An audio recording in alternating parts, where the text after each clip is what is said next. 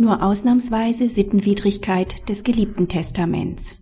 Vererbt der Erblasser seiner langjährigen Geliebten einen Miteigentumsanteil am ehelichen Wohnhaus, ist das Testament nicht deswegen sittenwidrig, weil der andere Anteil seiner Ehefrau zusteht und deshalb nach dem Erbfall die Teilungsversteigerung der Immobilie droht. Der Erblasser lernte 16 Jahre vor seinem Tod eine Prostituierte kennen und hatte seit dieser Zeit ein außereheliches Verhältnis mit ihr.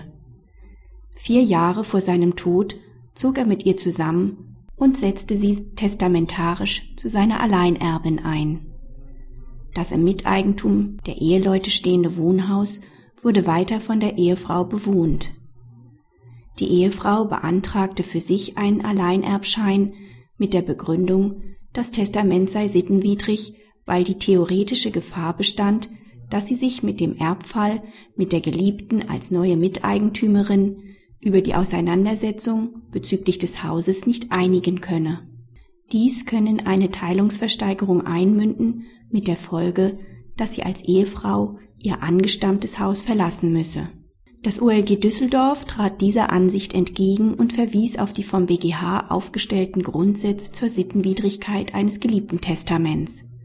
Paragraph 138 BGB ist nur dann einschlägig, wenn das Testament entweder ausschließlich für die Belohnung oder Förderung geschlechtlicher Hingabe errichtet wurde oder ein besonders hervorstechender, das heißt schwerwiegender Ausnahmefall einer Zurücksetzung von Angehörigen vorliegt.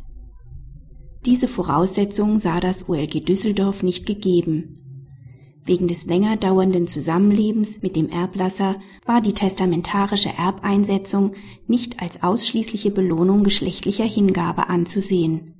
Eine sittenwidrige Zurücksetzung der Ehefrau wird auch nicht dadurch begründet, dass die Geliebte durch den Erbfall neben der Ehefrau Miteigentümerin des Wohnhauses wird und damit die theoretische Gefahr besteht, dass sich die beiden Frauen nicht einigen, es deshalb zur Teilungsversteigerung kommen könne und die Ehefrau ihr Haus verlassen müsse.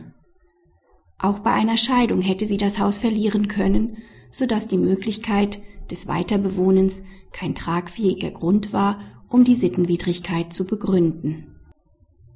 Praxishinweis Die Wertvorstellungen bezüglich sexueller Dienste haben sich im Laufe der Zeit geändert, was sich durch Einführung des Prostitutionsgesetzes vom 20.12.2001 auch im Gesetz niedergeschlagen hat. Letztlich räumt das OLG der Testierfreiheit des Erblassers Vorrang vor dem häuslich geschützten Wohnbereich der Ehefrau ein